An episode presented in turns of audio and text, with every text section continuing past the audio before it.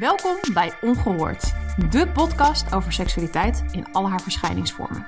Ik ben Marije Jansen, jullie host, en elke maand ga ik in gesprek met een expert op het gebied van seks en intimiteit. Samen met mijn gasten maak ik dat wat ongehoord is bespreekbaar, omdat meer praten over seks altijd beter is. Hallo, welkom bij een nieuwe aflevering van Ongehoord. Super tof dat je weer luistert. Of je nu voor het eerste keer luistert of alle afleveringen al gehoord bent, je bent super welkom en ik ben heel blij dat je er bent. Ehm, we hebben vandaag een nieuwe aflevering en deze keer praat ik met Non van Driel. En Non is absoluut niet in één woord te vangen. Non is genderclown en oprichter van de Gender Queer Party. Een inmiddels legendarisch feest in Rotterdam. De Gender Queer Party bestaat niet meer, maar is voor heel veel mensen een hele belangrijke plek geweest om zichzelf te kunnen zijn. En jezelf kunnen zijn is soms een hele holle, holle frase. Van, het komt vaker naar voren, oh, dit is een plek waar je helemaal jezelf kan zijn. Um, maar bij de Gender Queer Party zat die gedachte in elke vezel en elke nuance, elk detail van het feest, alle aspecten, um, was dat een belangrijke waarde. Daar hebben we het onder andere over in dit gesprek over de Gender Bending Queer Party en de Activism of Care. Iets waar Non heel erg bevlogen over is. En wat ik een heel erg mooi uitgangspunt vind, Activism of Care. Uh, maar Non is niet alleen maar een oprichter van een feest en een genderclown. Non is ook humanistisch raadswerker. En onder andere in die hoedanigheid, maar vooral ook heel erg als zichzelf, host deze uh, verschillende supportgroepen. Bijvoorbeeld uh, Dikke Vinger, in Adem In in Rotterdam. Maar ook Beyond the Binary. En ook een Doldwaze Avond. En dat is een supportgroep voor iedereen met een GGZ-diagnose.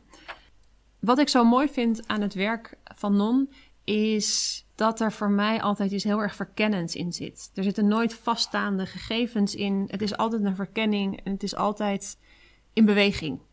En het beweegt mee met hoe Non zelf door het leven beweegt. En hoe die dat meeneemt in dienstwerk, um, ja, dat raakt me altijd heel erg. Ik heb het eerder wel eens gehad over mensen die uh, voor mij heel erg van betekenis zijn geweest in mijn denken en doen op het gebied van seksualiteit.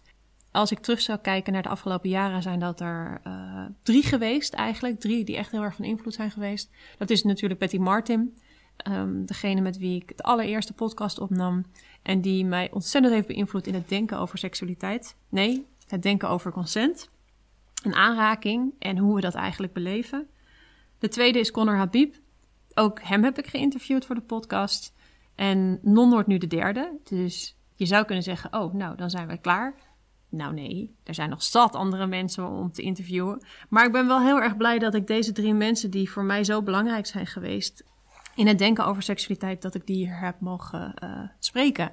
En ik hoop dat um, in dit geval Non ook iets bij jou raakt. En misschien jou aan het denken zet over hoe je uh, je seksualiteit beleeft. Hoe je uh, intimiteit beleeft. Uh, over je relatie tot jezelf, relatie tot anderen. Ja, en dat er ook bij jou als luisteraar iets, iets achterblijft van, uh, van die inspiratie die Non mij altijd geeft. In het geval van Non is dat vooral op het gebied van um, seksuele integriteit, of op het gebied van, dat is misschien niet de juiste uitdrukking, gaat het vooral over seksuele integriteit. Um, voor iemand voor wie sekspositief feminisme um, altijd heel erg een uh, drijvende kracht is geweest in mijn werk, liep ik op een bepaald moment tegenaan dat dat eigenlijk niet meer werkte. En in diezelfde periode schreef Non een uh, prachtige blog over diens ervaringen in Berlijn, waar we het ook over hebben in de podcast. En op een gegeven moment kwam daar de term seksuele integriteit bij. En dat is me zo ontzettend bijgebleven. Die gedachte dat um, seksualiteit uh, holistisch is. Een holistische benadering van seksualiteit en de, en de focus op integriteit daarin um, is heel erg vormend geweest in, in het werk wat ik doe. En uh, hoe ik tegen de wereld aankijk. Dat over non. Dan kom ik nu bij het punt waar ik het altijd over heb bij de introductie, namelijk het gedeelte waar ik het heb over Patreon en wat jullie daarin kunnen betekenen. Met Ongehoord zijn we nu inmiddels ruim een jaar bezig met het laten horen van andere geluiden op het gebied van seksualiteit. Um, seks is een onderwerp wat altijd weer besproken wordt, wat altijd wel ergens in de media terug te vinden is. Maar ik vind het belangrijk om iets anders te laten horen. Om gesprekken te laten horen, de gesprekken te kunnen voeren met mensen die misschien niet per se in de tijdschriften staan of op de televisie te zien zijn, maar die voor mij wel iets heel belangrijks kunnen betekenen uh, in ons denken en doen van seksualiteit, zoals ik dat net ook zei over non. Ongehoord is maatschappelijk, soms is het heel persoonlijk, soms is het politiek. Wat ik probeer is altijd een genuanceerd gesprek te voeren, waarin je misschien perspectieven hoort die je niet eerder hebt gehoord, of een gedachtegang die je niet eerder hebt gehoord. En we geloven hierin echt dat het belangrijk is om deze gesprekken te voeren en dat ze ook gehoord worden door jou als luisteraar. Altijd eigenlijk wel, maar zeker ook weer nu in een omgeving waar onze seksuele en lichamelijke vrijheden eigenlijk niet zo zeker zijn als ze dat soms leken. En jullie bijdragen um, zorgen ervoor dat deze gesprekken zo goed mogelijk, uh, dat we deze, deze gesprekken zo goed mogelijk kunnen voeren. Dat we ons bereik kunnen vergroten, dat we nog meer mensen kunnen bereiken en dat we onze gasten kunnen ondersteunen in hun bijdrage. Geloof je hierin? Geloof je in dit andere gesprek over seksualiteit, deze seksueel integere aanpak. Misschien is dat wel hoe we het uh, kunnen noemen, deze seksuele integere aanpak. Um, ga dan naar patreon.com slash ongehoord en draag iets bij. Of dat nou 3 euro is, of 5 euro, 10 euro, maakt mij niet uit. Of het één keer is of elke maand, we zijn overal heel erg blij mee. Dus heb je zoiets van, hey, ongehoord, waar zij voor staan, daar geloof ik in. Uh, Patreon.com slash ongehoord. Uh, en uiteraard staat deze link ook in de show notes. Natuurlijk, natuurlijk, natuurlijk kan je ons ook steunen en helpen via iTunes. Als jij een rating achterlaat, een beoordeling achterlaat, um, zeker als het een 5 sterren beoordeling is, dan gaan steeds meer mensen ons vinden. De vorige keer dat ik dit intro opnam, hadden we het prachtige uh, getal 69. Inmiddels zijn het er alweer een stuk meer. En er kunnen altijd meer beoordelingen bij. Dus uh, Geef een beoordeling. En nog beter, als je je geïnspireerd voelt, schrijf een korte review over wat je van ongehoord vindt. Misschien iets wat je hebt geleerd. Een, een stem die je niet eerder hebt gehoord. Um, whatever it may be. We zijn heel erg blij met dat wat jullie bijdragen. Um, in de vorm van ratings, beoordelingen en ook recensies. En last but not least, voordat we echt gaan beginnen, ben je blij met de podcast? Deel deze dan ook met anderen. Um, op dit moment uh, is Ongehoord nog te vinden op iTunes, nog op uh, Instagram, op Facebook. Maar zeker met de veranderende tijden, zoals dat heet, en een sterkere censuur, is de zekerheid dat wij nog binnenkort op Facebook staan of op iTunes. Uh, nou, op iTunes zal nog wel loslopen. Dat wij op Facebook te vinden zijn of dat we op Instagram te vinden zijn. Het risico is altijd dat we daar, daar vanaf gehaald worden. Um, ook al doen we ons best om, uh, om, om te blijven. Dus met het delen van de podcast maak je ons heel erg blij. Seksualiteit is lang niet meer zo vindbaar als dat het was. En wat ik zei, de censuur wordt steeds sterker. Dus praat erover. Deel je favoriete aflevering met je vrienden, met je familie, met je buren. Of een potentiële flirt kan je gelijk inschatten of dit wel de persoon is voor jou. Deel je enthousiasme. Deel ongehoord met de mensen om je heen. Deel ongehoord en verspreid het woord. Dat is hem. Dan wens ik je nu heel erg veel plezier met deze aflevering met Non van Driel. Oké. het awkward begint zo van, hallo, we zijn hier. Um, non, ja. hallo. Hallo. Uh, we hebben elkaar net al uitgebreider gesproken, dus we beginnen gewoon nu opnieuw met het gesprek. Ja. Um, ik ben heel blij, we zijn in Rotterdam, we zijn bij jou. Yes. We hebben net even Patrick de deur uitgezet. ja. De super lieve kat die af en toe een beetje... Die heel hard niest en, uh, en uh, snottert altijd. Ja, dus, dus als we straks iets aan de deur horen, dan is misschien Patrick ja, ook heel kan wel eens gaan schreeuwen. we gaan het merken. Um, we gaan het hebben over uh, seksuele integriteit. een term die ik voor het eerst van jou gehoord heb. En ik dacht dat het in een blogpost stond van jou, maar dat bleek helemaal niet zo te zijn. Nee. Um, het was meer in een gesprek dat het opkwam, ja. volgens mij, tussen ons. Ja. En uh, het had wel in die blogpost kunnen staan, denk ik. Ja, want dat was voor mij wel de aanleiding daarvoor. Ja. En uh, uh, de blogpost die jij schreef, inmiddels ook al een paar jaar geleden, ja. 2017 of 16 zelfs. Ja. Ik heb het gisteren even erbij gepakt. Gaat over, naar aanleiding van het Pornofilmfestival in Berlijn. En toen ik dat in het gesprek aan het voorbereiden was, toen dacht ik: hé, hey, met best wel veel mensen heb ik het over Pornofilmfestival Berlijn gehad. Wat voor veel van mensen die ik ken die met seksualiteit bezig zijn op een bepaalde manier is dat best wel een heel vormende plek geweest. En ik kan me voorstellen dat veel mensen die luisteren iets hebben van ja, what the fuck. Weet je, wat is dat voor plek? Uh, ja, daar moet en ik waarom, Daar moet ik zijn. Uh, ik denk, wat ik merk, is dat het met name in meer uh, sekspositieve kringen of queer kringen, dat dat een, een, een plek is waar veel is gebeurd. Inmiddels is het volgens mij vrij, niet, niet mainstream, maar het is wat meer gevestigd geworden dan, uh, dan het was.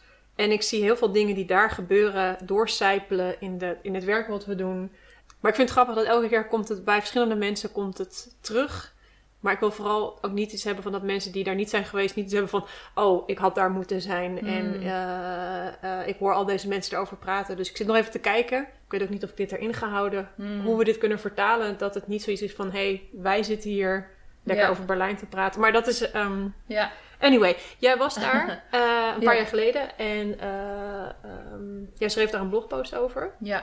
Kan je kort vertellen wat je hebt geschreven en wat je daar hebt ervaren, wat het voor Ja. jou is geweest? Ja, nou, ik ben uh, op het Pornfilm Filmfestival in Berlijn door, door jou, denk ik, beland. Ja. Uh, of in ieder geval, ik heb het leren kennen doordat jij erover sprak en er naartoe ging. En um, ja, dus ik, ik ben daar, ik was toen twee maanden in Berlijn voor mezelf. En toen was ook het, film, het, film, het Pornfilmfestival. Dus uh, dat was mijn eerste bezoek daaraan.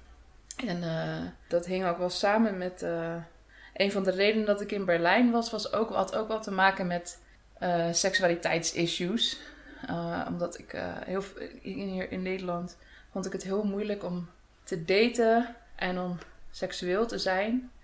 En um, ik had. Het was een soort van experiment. Het moest niet van mezelf, maar ik had wel het idee van: oh, ik ga twee maanden naar Berlijn. Ik ging sowieso twee maanden naar Berlijn om even uit Nederland te gaan, omdat ik uh, geen werk had en in een beetje uitzichtloze situatie terecht was gekomen. En wat uh, mentale gezondheidsproblemen had. Dus ik moest hier even weg en ik dacht ook dat het op het gebied van daten en seksualiteit misschien wel eens kon helpen om uit Nederland te zijn. En nou ja, er was het Pornfilmfestival was daar een. Uh, was, daar paste, paste daar wel mooi bij, mm. bij die zoek, zoektocht. En ja, het maakte mij toen daar een beetje. Uh, ik vat een beetje een onbestemd gevoel erbij. Het gevoel dat ik er niet bij hoorde, nog niet bij hoorde. Of in ieder geval dat ik niet, dat ik niet genoeg was, denk Mhm. mm -hmm. ik. Wat, wat was je verwachting? Wat was je hoop? Of misschien wel toen je daar net. Waar, waarom dacht je dat, dat deze plek, dit filmfestival, wat trouwens ook heel veel workshops en feesten. Het is, Ja. het is niet alleen maar een filmfestival. Het is. Ja, het is, het is, het is een, een multidisciplinair wil ik zeggen, maar dat is het ook niet. Maar in ieder geval, er gebeurt een hele hoop. Je bent Ja. niet alleen maar naar films aan het kijken. Nee, nee, Ja. klopt. En dat is denk ik ook wel. ehm, ik weet niet wat mijn verwachting was, maar ehm, ehm, ik had denk ik niet het, het idee dat het zo'n een sterk effect op me zou hebben als het gaat om in- en uitsluiting of zo van een bepaalde. eh, het, is, het, is, het, is in, het speelt zich af in een best wel een kleine eh, bioscoop. eh, met allemaal zaaltjes. En ja, ik had daar als je daarin komt en je kent niemand, dan, is dat, dan heeft dat al best wel een sterk effect op je. Want het heeft het gevoel, dat gevoel van mij dat iedereen elkaar kende en zo. En dat het best wel een, een scene was, ja, nou ja, waar iedereen elkaar kent. En iedereen met elkaar heeft samengewerkt en eh, seks met elkaar heeft gehad en zo. Ja, En eh, aan de ene kant, hè, ik, wil, ik wil dat niet veroordelen, nog steeds niet. En dat wilde ik toen ook niet, maar het maakte me wel angstig. Ja. En eh, ik merkte dat het gewoon een plek was waar veel mensen samenkwamen die elkaar, dat voel je gewoon, mensen die elkaar niet dagelijks zien, maar wel hetzelfde soort werk doen en dan elkaar zien. En dat dat gewoon een heel euforisch gevoel kan geven en een, en, een opluchtend gevoel. Dat, dat, ja, dat hangt daar. Ja. En, en dat brengt denk ik ook een bepaalde norm met zich mee. En dan, en dan kwam, terecht bij dus seksuele positiviteit.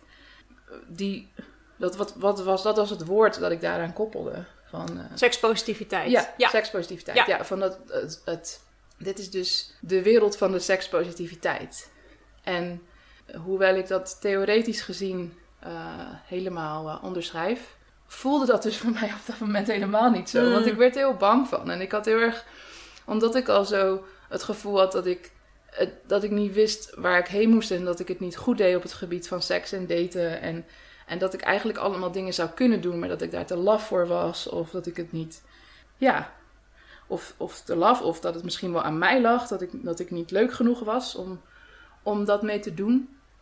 Dus ik wilde heel graag sekspositief zijn, maar het lukte me niet. Hm. En daardoor voelde het voor mij dus helemaal niet sekspositief, maar het voelde heel uitsluitend en beangstigend. Ja, alsof jij er niet met jouw gevoelens niet kon zijn. Ja. Ja. Ja, precies. En toen ik daarover... Ik ging daar dus... Die, blog die kwam er echt uitgerold na het, eh, na het filmfestival. En toen ging het ook meer over... eh, toen ik aan het schrijven was, ging het ook meer over... Dat dus seks in, in general ehm, voor mij niet iets is wat per se positief is. En ik denk dat dat ook is waar, waardoor ik heel veel positieve reacties op heb gekregen. Of herkenningsreacties. Ja.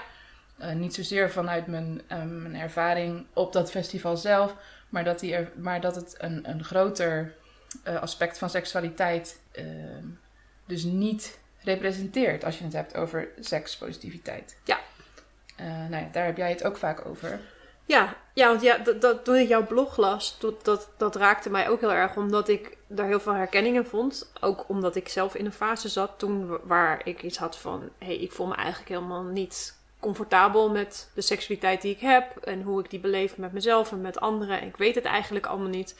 Ja. En ik was toen al een tijd bezig met zelf die plekken creëren. Wat eigenlijk het Pornfilmfestival Berlijn ook is. Een plek waar seksualiteit gevierd mag worden. Waar het vanuit een positieve eh, eh, benadering eh, ehm, gezien wordt. En ik Ja. denk dat dat nog steeds een hele waardevol, Ja, waardevol zeker. iets is. En dat het nog steeds heel erg nodig is dat we die plekken hebben waar je mag, waar je mag zijn wie je mag zijn. En waar je Ja. seksualiteit er mag zijn. Alleen jouw punt raakte me zo ook omdat ik me erop de- dat ik dacht van hè ik zit nu op deze plek De- ik heb er toen naar aanleiding van jouw blog heb ik ook een blog geschreven over voorbij het seks, sekspositieve utopia je je bent op die Ja. utopische plek waar eindelijk je mag zijn wie je bent en Ja. al die dingen en je voelt je er, tenminste ik voelde me er ook helemaal niet thuis en ik had zoiets van maar ik ben nu eigenlijk mijn eigen beweging aan het verraden op een bepaalde Ja. manier want nu is alles er en nu ben ik soort van ik ben nu air quotes aan het doen moeilijk aan het doen omdat ik me eigenlijk omdat het eigenlijk helemaal niet positief en fijn voelt Ja. en ik weet niet hoe ik daarmee kan bewegen in deze, hoe ik daar kan mee kan zijn in deze omgeving. Ja.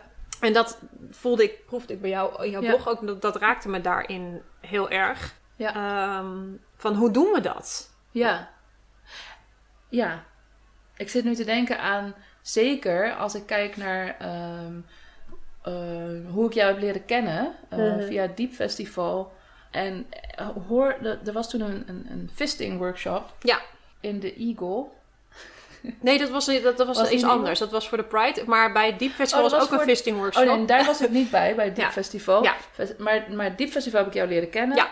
En daarna deed je voor de Pride in Amsterdam. eh, ja, was er ook een fisting workshop. Ja, ik, ik had daar echt een neiging om fisting workshop te organiseren. Ik vind het nog steeds... Ja. Nou ja, oké, daar wil ik eigenlijk nog een hele aparte podcast over maken. Want het, Ja, de- doe dat vooral. daar, daar zit ook een hele hoop in. Anyway, want, sorry. Ja, nee, want, Ja. want dat is dus. eh, eh, want we steken het nu in vanuit het bekritiseren van de sekspositiviteit. Maar wat, zo, wat juist ook zo belangrijk was, was dat dat eigenlijk echt een ontzettende eh, belangrijk moment was voor mij. Mhm. in, en dat echt wel een, een ankerpuntmoment, die fisting workshop. Omdat daar zoveel met mij gebeurde op, op dat moment. Terwijl ik, eh, nou ja, om het even te schetsen. Wat er gebeurde was dat we met een groep mensen zaten te kijken naar eh, Gala Vanting en Zara Stardust. Ja. Die met z'n tweeën demonstreerden, fisting demonstreerden. Ja. Maar wel echt vanuit een heel queer, revolutionair eh, standpunt. Ja. En eh, waar ik heel erg van onder de indruk was, nou, vooral ook, het werd heel erg opgebouwd. Hè. Kala ging eerst theorie vertellen en hoe de anatomie in elkaar zat en zo. Eh, dus daardoor kon je al wennen aan de ruimte. En nou ja, dat was, dat was voor mij heel belangrijk.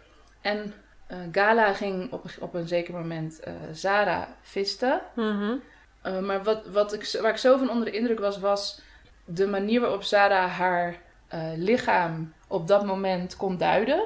Mhm. Dat was echt alien voor mij. Eh, kan je een voorbeeld geven? Eh, nou, gewoon hoe zij. ehm, hoe zij, zij, zij, zij hing in, een, in, een, in zo'n sling. Ja. En ehm, wij keken, zeg maar, ja, echt tussen haar, eh, tussen haar benen. Ja. En tegelijkertijd kwam zij af en toe omhoog om te vertellen van wat er nou daar gebeurde tussen Ja. haar benen en ook van binnen. En wat zij voelde. En dat ze gewoon elke, eigenlijk elke aanraking ongeveer in mijn belevingswereld kon duiden van, oh, nu voel ik dat je daar zit en nu voel ik dat. En, en dat was voor mij zo eh, revolutionair. Daar werd ik echt emotioneel van. Dat Mm. was echt gewoon... Ik kon me dat niet voorstellen, dat je je lichaam zo goed kent en zo goed oont ook. Dat vond ik sowieso ook heel, heel eh, fascinerend aan haar persoonlijkheid. Omdat zij ook in de, zeg maar, de mainstream eh seksindustrie eh, klusjes heeft gedaan. En Ja. ik kan me dus niet voorstellen dat je dat, je dat doet en, te- en nog zo je lichaam, eh, je eigen lichaam oont. Ja. Bij mij zitten daar dan heel erg, hè, op het moment dat ik bekeken word door cis-hetero mannen, dan word ik al misselijk. Mhm. Dus ik kan me daar gewoon niks bij voorstellen dat iemand zo eigenaar is over haar eigen, over haar eigen lichaam, dat dat dus haar niet raakt. Ja. En dat zag ik daar denk ik ook gebeuren. En dat zij, da- dat zij zo eigenaar was over haar eigen lichaam. En dat ze dat, dat die, die hand in haar gewoon zo wist te duiden en kon sturen. En dat, is, dat was echt super empowering. En dat ze ook op een gegeven moment ging squirten. En dat dat gewoon eh, eh, daar ook gebeurde eh, voor ons allemaal. En dat is echt, was echt zo'n intieme, super intiem moment. Nou, er, er gebeurde zoveel bij mij op dat moment van binnen. Dat ik denk dat, nou, dat was, dat was wel eh, fysieke integriteit. Op gewoon wat ik daar zag gebeuren. Mhm. En seksuele integriteit, denk ik ook. Maar ook op een inderdaad een hele positieve manier. Mhm. En dat was denk ik een beetje, als je het vergelijkt met mijn pornfilmfestival ervaring, heel anders. Ja. Omdat, omdat dat een moment van intimiteit was en van, ja, het was een heel klein moment eigenlijk. Met een grootse, grootse belevenis voor mij. Maar ja, daarin zag ik de sekspositiviteit. En op het moment dat het dan getild wordt naar zo'n eh, heel festival met een groep mensen. En een hele gemeenschap en community. En eh, dat, het, dat het eigenlijk meer een, een, een, een generiek verhaal wordt. Dan, dan wordt het voor mij heel anders. En Ja. dan, ja, dan klopt het dus niet. Dan klopt het woord sekspositiviteit voor mij niet meer. Want dat, dat, dat kan niet alles daarin omvatten. Mhm. Dat klopt niet. Want er waren ook films over eh, hele zware onderwerpen. Of ja, altijd wel, maar toen ook kan ik me herinneren. Ja. Over, over seksueel ehm, geweld en, en zo. Ja. En de, het is natuurlijk ook niet zo dat het Pornfilmfestival zegt van wij eh, verkopen sekspositiviteit. Dat is ook niet zo. Maar ja, de hele vibe is gewoon ehm, vooral eh, blij. Ja. En ik denk dat het toen ook nog afkomstig was uit, denk ik, ook een hele sterke Amerikaanse bewe- beweging en het sekspositief feminisme, wat, Ja. eh, wat ook heel erg gerelateerd is aan, aan, aan pornografie, aan, aan mensen als Annie Sprinkle en anderen Ja. die pornografie ook echt zijn gaan toe-eigenen van, hé, hey, wij gaan dit maken omdat we onze eigen seksualiteit willen zien, we willen Ja. ons kunnen herkennen, onze seksualiteit, onze lichamen, ons zijn. En dat met name in Amerika daar een hele beweging in is geweest, die daar onder andere via het Pornfestival Berlijn naar Europa is gekomen. En waar ik mede ook door heel erg door geïnspireerd ben, een lange tijd. En ook heel erg lang mijn, leidraad is geweest in, in, wat ik deed, die sekspositief feminisme. Maar dat, dat op dat moment dat jij dat begon te voelen en dat het bij mij ook was, en je zei, andere mensen reageerden daar ook positief toen jij dat eigenlijk bekritiseerde. En dat Ja. zag ik toen ook in Amerika. Mensen als Carol Queen, die in San Francisco en trouwens ook gewoon in überhaupt Amerikaanse alternatieve seksuele beweging heel erg toonaangevend is geweest. Die ook essays begon te schrijven van... hé, hey, wacht eens even, sekspositiviteit is niet alleen maar de geilste seks hebben die je kan hebben. En het gaat niet over seksueel... Het gaat ook over seksueel vrij zijn, maar het gaat ook over inclusiviteit en over... Nou, al die dingen. Ja. Dus dat, ik denk dat dat daar het moment was. eh, ik ben ontzettend met mijn handen aan het praten, wat niemand kan zien. Maar dat het wel een soort kentering was in, in hoe gaan we om met onze seksualiteit. En, hoe, en dat het een soort van beweging is van: oké, we gaan het claimen, oh, we gaan het vieren. En dat het ook heel erg nodig is om het, Ja. om het te vieren en te omarmen. En, en, eh, en dat is nog steeds nodig, maar Ja. dat daar een, een verandering in gaande was. Ja. Ja, En dat is ook mooi aan elke beweging, denk ik. Dat er op een gegeven moment zo'n moment komt, dat moet er ook zijn, van wie laten we achter? Ja. Ja. Wie, wie zien we nu niet, nu we dit doen? Of welke momenten zien we nu niet? Ja. Of wat zien we nu niet van onszelf? Wat Ja. we, eh, wat, met wat we nu aan het doen zijn. Want je, ja, je, je recreëert toch weer een nieuwe norm. Dus dan laat je ook wat achter. Je laat ook altijd mensen achter die niet mee mogen doen. ja, Dus dat is eh, denk ik een mooie, dat is denk ik wel inherent aan elke emanciperende beweging. Want we hadden het bijvoorbeeld net over eh, dik zijn. Voordat we dit gesprek begonnen. Voordat we dit ja. gesprek begonnen. En eh, daar kan ik heel erg eh, eh, de vergelijking mee maken. Want in de, in de emancipatiebeweging van dikke mensen... daarin zie je ook een body positivity movement. En die is ook heel erg Amerikaans. Mhm. En heel erg jubelig. Ja, je, moet, je moet van je lichaam... Of je moet gewoon van jezelf houden. Ja. Dat verhaal. Nou, en daar heb ik net zoveel weerzin tegen. Want ja, het, het is een soort van. Het is echt een. een je vraagt eigenlijk van iemand om, om zo'n groot gedeelte van de wereld buiten, buiten zich te houden, als je Mhm. dat doet. Ja, dat kan gewoon niet. Je kunt, je kunt ook niet aan een depressief, tegen een depressief iemand zeggen van. eh, nou, je moet gewoon even. Je, hè, doe nou niet zo negatief. Ga gewoon sporten of zo. ja.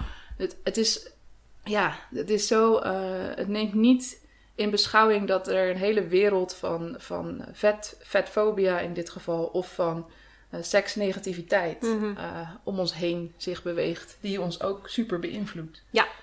Dus eh, ja, daarin zie ik dat ook, en, en dat heeft ook heel veel met elkaar te maken, voor mij in ieder geval, eh, eh, eh, fysieke integriteit en seksuele integriteit. En ja, dat zijn vergelijkbare bewegingen, denk ik. Ja. hey, en dat was dat, wat, dat, wat, dat was dat moment, zeg maar, of dat moment. eh, jij schreef die blog en, en daar ontstond, daar ontstond iets, eh, waardoor mensen geraakt werden. Hoe ben jij verder gegaan? Je zegt van, het is voor mij ook heel erg gekoppeld aan fysieke integriteit. Ja. Hoe is dat denken over seksualiteit en seksuele integriteit voor jou verder gegaan? En kan je het misschien ook definiëren op dit moment? Is er voor jou een definitie? ehm, Van seksuele integriteit. ja, hoe zou jij het omschrijven? Oef. Ja. nou, ik denk, misschien moet ik even iets over mezelf vertellen. Ja. Want daar hangt het heel erg mee samen namelijk. Ja. Ehm, ook ja, als ik het heb over mijn eigen integriteit. Dan hangt het al samen met, eh, met hoe, hoe ik mezelf belichaam en waar ik vandaan kom. En ik denk, wat belangrijk is, is dat ik... eh, waar zal ik eens beginnen? Ja, wat belangrijk is, is dat ik eigenlijk twee een soort van hulpverleningsstudies heb gedaan. waar- Waarvan één kunstzinnige therapie vanuit de antroposofie. Dus dat dat al heel erg gericht was op eh, holis- holistische kijk op, op het lichaam en, en de geest. En eh, daarna humanistiek, waarbij het meer gericht was op de geest. En op geest, nou, ik, heb, ik ben dus humanistisch raadswerker, humanistisch geestelijk verzorger. Uh, maar wat denk ik heel erg vormend is geweest voor mij tijdens mijn studies, is dat ik dus, denk ik, heb geleerd om dat soort momenten, zoals bij het Pornfilmfestival, te gebruiken als een soort van reflectie, waarbij uh, belichaamde, belichaamde ervaringen en theorie met elkaar in aanraking komen. En um, ja, dat dat dus, um, dat ik dus, dat er dus altijd van die momenten in mijn leven zijn. Soms denk ik achteraf wel eens van, hè, maak ik het nou niet groter dan het op dat moment was? Hmm. Ja, waarschijnlijk wel. maar het gaat altijd om een soort, het, het is altijd, het staat altijd ten dienst van een, van ook een persoonlijk uh, proces, een persoonlijk ontwikkelingsproces op het gebied van zowel lichaam als geest en alles wat ertussen zit. Uh, wat van mij is.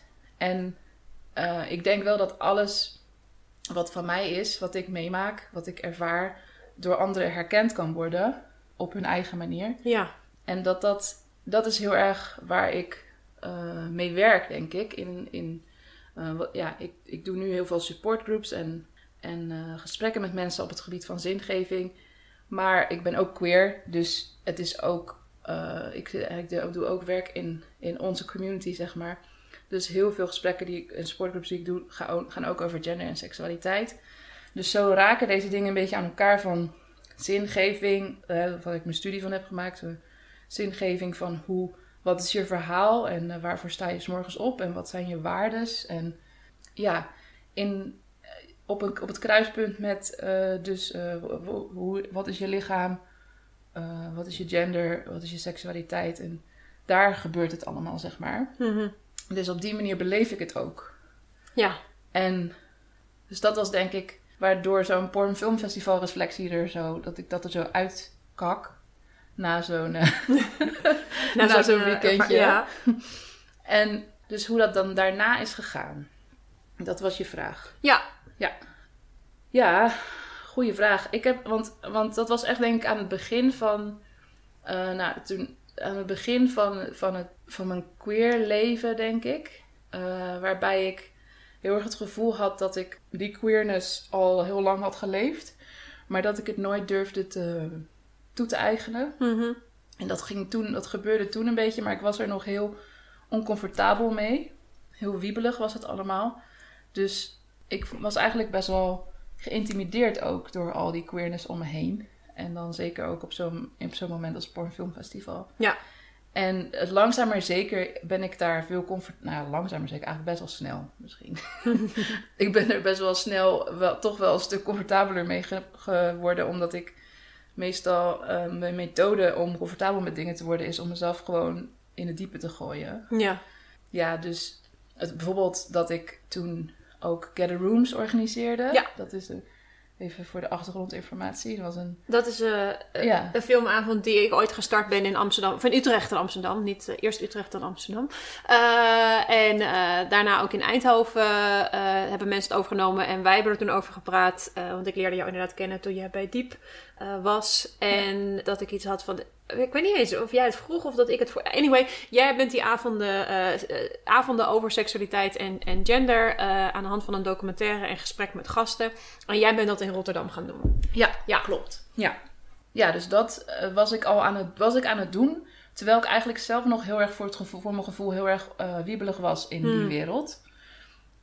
Begon ik daarmee. Dus daarin, in die zin heb ik mezelf al in diep, in het diepe gegooid. En ook, er kwam ook al heel snel een feest. De Gender Bending Queer Party is dat geworden uiteindelijk. Die- hoe heette de eerste editie al?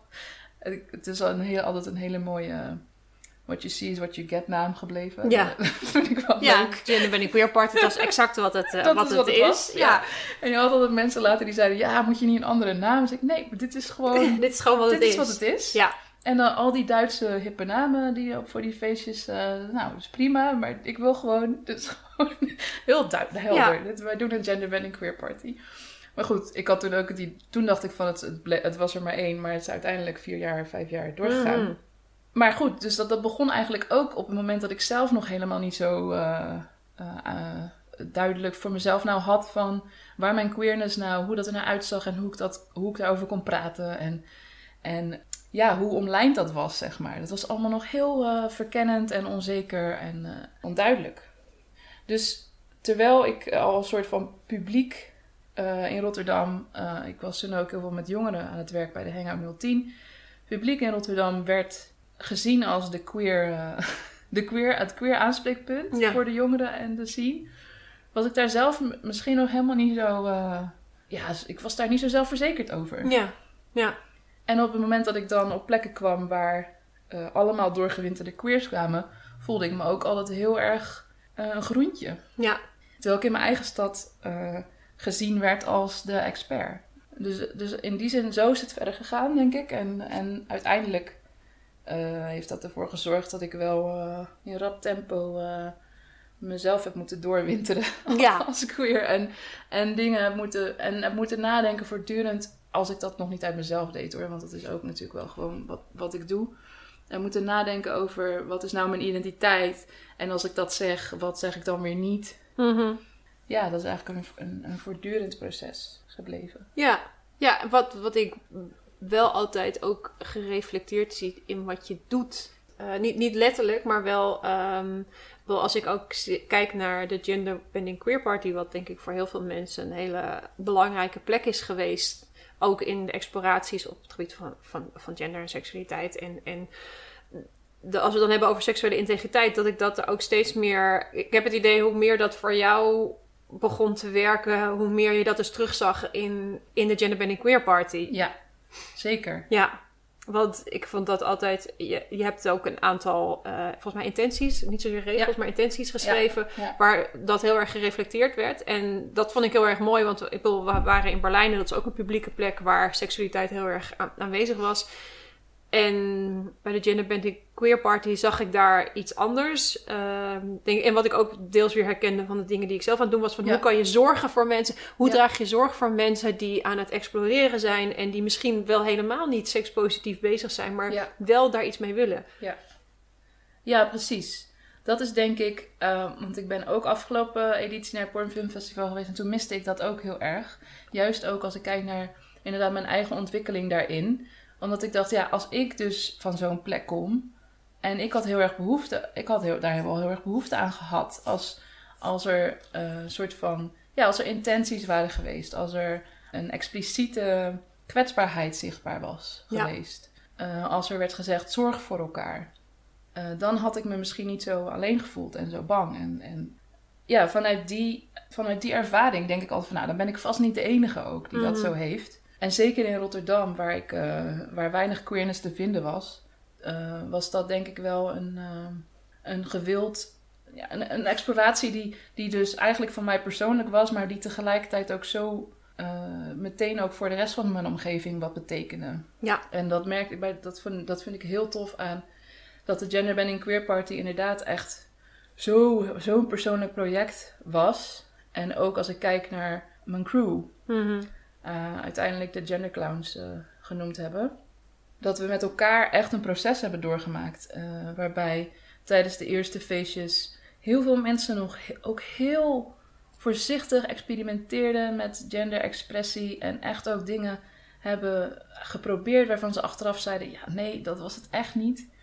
En ik voelde me die avond echt niet op mijn gemak, want ik had dit aan en dat deed ik eigenlijk alleen maar omdat dat, dan, uh, dat ik dan dacht dat dat zoiets moest of zo, maar ik voelde me er helemaal niet lekker bij. En dan zie je uiteindelijk ook dat, dat die mensen, uh, dat, dat je echt ook permissie nodig hebt voor jezelf om gewoon te doen wat bij je past. En Mm. om niet uh, met elkaar iets te reproduceren wat weer een nieuwe norm is. Ja. En ik denk dat we daar heel erg met z'n allen bij de Gender Bending Queer Party, we hebben zoveel meetings gehad met gesprekken ook over, over onze eigen onzekerheden en onze eigen lichamen en hoe we die avonden hebben beleefd. En elke keer in die reflectie daarop, da gebaseerd daarop maakten we weer het nieuwe feest. Dus ik denk dat dat heel voelbaar was voor uh, mensen die daar kwamen. En uh, dat het ook, uh, dat het ook een, een, een, een, project maakt wat niet, niet dat je, ja, wat eigenlijk niet nog een keer te doen is of zo. Hmm. Wat heel, heel veel tijd kost en investering. En dat echt, uh, wat echt voorbehouden was aan gewoon die groep op dat moment. Ja. Ja, ik denk ook dat we hebben bijvoorbeeld ook heel vaak gehad over, over lichaams-issues uh, ten opzichte van foto's. Dat we, want op, bij de Gender Men Queer Party mocht je dan geen foto's maken, maar we hadden wel een fotograaf.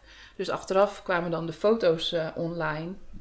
En veel van ons voelde zich die avond zo fantastisch dat je uh, ineens helemaal naakt rondliep of zo, of bijna naakt. En um, als je dan de foto's terug zat, zag, was je weer in een hele andere state of mind. En dan zie je jezelf en dan kan dat best wel confronterend zijn. En dan, en dan kan dat eigenlijk een beetje die, die droomervaring die je nog in je hoofd had, weer beïnvloeden. En dat is eigenlijk heel verdrietig. Dat, Ja. je, dat je dan je lichaam ziet en dat dat, dat dan zo'n negatief effect op je, op je heeft dat het echt eigenlijk tekort doet aan hoe je die avond hebt beleefd. En nou, ook daar hebben we het veel over gehad van...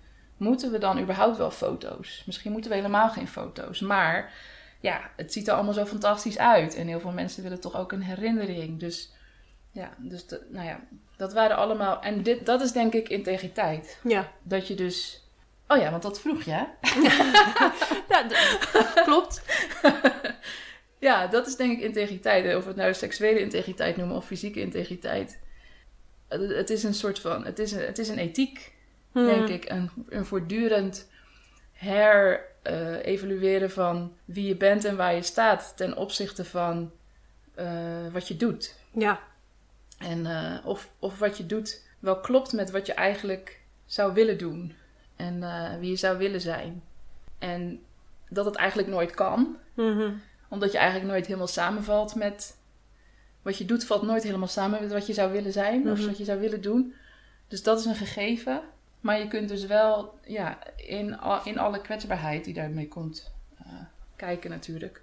Met elkaar en, of met jezelf. Um, voortdurend die vraag stellen van... Uh, ja, wat gebeurt er nu? En, en uh, doe ik wat ik zou...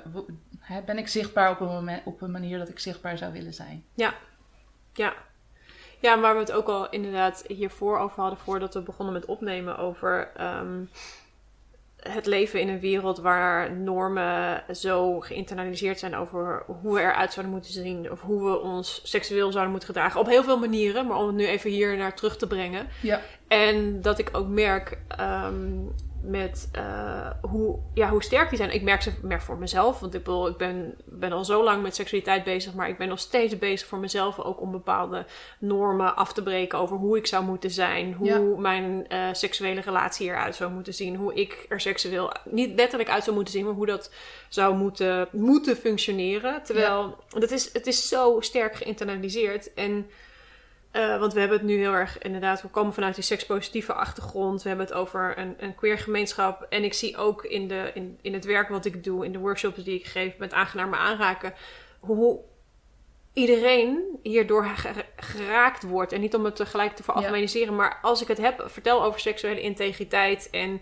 ehm, wat dat mag zijn. En, dat je, en, en over dat je, dat je er mag zijn met complexiteit en misschien gevoelens die we zien als negatief. Ja. Dat je ermee mag zijn zonder die te problematiseren. En met name ook het feit dat je het niet per se problematiseert. Dat ik echt mensen. Er gebeurt zo ontzettend veel met mensen als je in ieder geval in die ruimte die je op dat moment met elkaar creëert. Ja, toestemming geven vind ik altijd zo'n stomme uitdrukking. Maar Mhm. dat, dat je met elkaar afspreekt van hé, hey, dit in ieder geval deze ruimte Ja, is een seksueel integere ruimte. En jij mag er zijn met, met je verdriet, met je boosheid of met gewoon het niet weten. ja, En het is geen probleem, je hoeft het niet op te lossen. Het hoeft niet beter gemaakt te worden of wat dan ook. Het is, het is wat jij ook noemt, het holistische vanuit de antroposofie. Ja. Ik vind dat echt zo fucking waardevol. Ja. Dat, het, dat het die benadering heeft. En dat het niet gaat over, oh, en we zijn dit aan het doen. Want uiteindelijk kom je dan bij dat punt in de verte. En dan ben je helemaal blij en gelukkig. En alle seks die je kan hebben. ja. Nee, je komt gewoon shit tegen. Ja, Eh, en, en dat is, eh, daar, daar kunnen we zijn met elkaar en voor jezelf. ja, precies. Het is altijd, ehm, terwijl we het hierover hebben, ben ik me dan ook altijd bewust van de integriteit laten zien naar elkaar is, is altijd veel kwetsbaarder. Daar, daarmee maak je de hele community kwetsbaarder. En dat is altijd een beetje, dat vind ik altijd lastiger aan. Want op het moment dat ik dus met mensen buiten de community praat, dus eh, mensen die eh, heteronormatief leven, zeg maar, om het Mhm. even zo. eh, eh, dan, kan ik het, dan, dan kan ik eigenlijk geen manier vinden om het hierover te hebben. Hmm. Want dan ehm, lijkt het alsof ik inderdaad, wat jij net ook benoemde met het Porn Film Festival, alsof je een soort van hoogverraad pleegt of zo. Dat Hoe je- bedoel je? Nou, als ik bijvoorbeeld zeg van, nou, binnen de queer community eh, is er anders ook heel veel buitensluiting. En eh, dan zeggen heel veel Ja. hetero mensen van, oh ja, zie je wel, Ja. zij zijn haar beter dan wij. Ja. Nou, laat maar, dan met die queers. Ja. Dus dat vind ik altijd zo lastig daaraan. Dus ik kan eigenlijk niet mijn seksuele integriteit, of mijn integriteit kan eigenlijk niet bestaan ten opzichte van heteronormatieve mensen. Hmm. Ik moet dan altijd een, een versie van mezelf presenteren die eh, niet kwetsbaar is op dat gebied. Hmm. Ja. En eh, dat maakt het denk ik ook zo, zo ontzettend ingewikkeld om, eh, om eh, met elkaar eh, het daarover te hebben. Zeg maar, om die crossover, kru- kruisbestuiving te maken tussen, tussen de community en de heteronormatieve wereld. Ja. En ik, ja, ik kan daar dan, ik gebruik vaak eh, zingeving of eh, ja, levensvragen daarvoor. Eh, die gaan niet over seksualiteit en over genderidentiteit. Eh, en die verbinden vaak. Mhm. vragen als wat geeft je hoop? Of eh, eh, ja, wat zijn je waardes? Ehm, die, die gaan eigenlijk voorbij aan, ehm, ja, die gaan voorbij aan, vaak aan seksualiteit of, of aan identiteitsissues eigenlijk. Mhm. Dus zo kan ik die crossover vaak maken. Maar op het moment dat het gaat over gender en seksualiteit en over identiteit. eh, ik denk dat dat, dat, dat met, eh, met racisme-issues hetzelfde is. Mhm. Dan kan dat dus niet meer.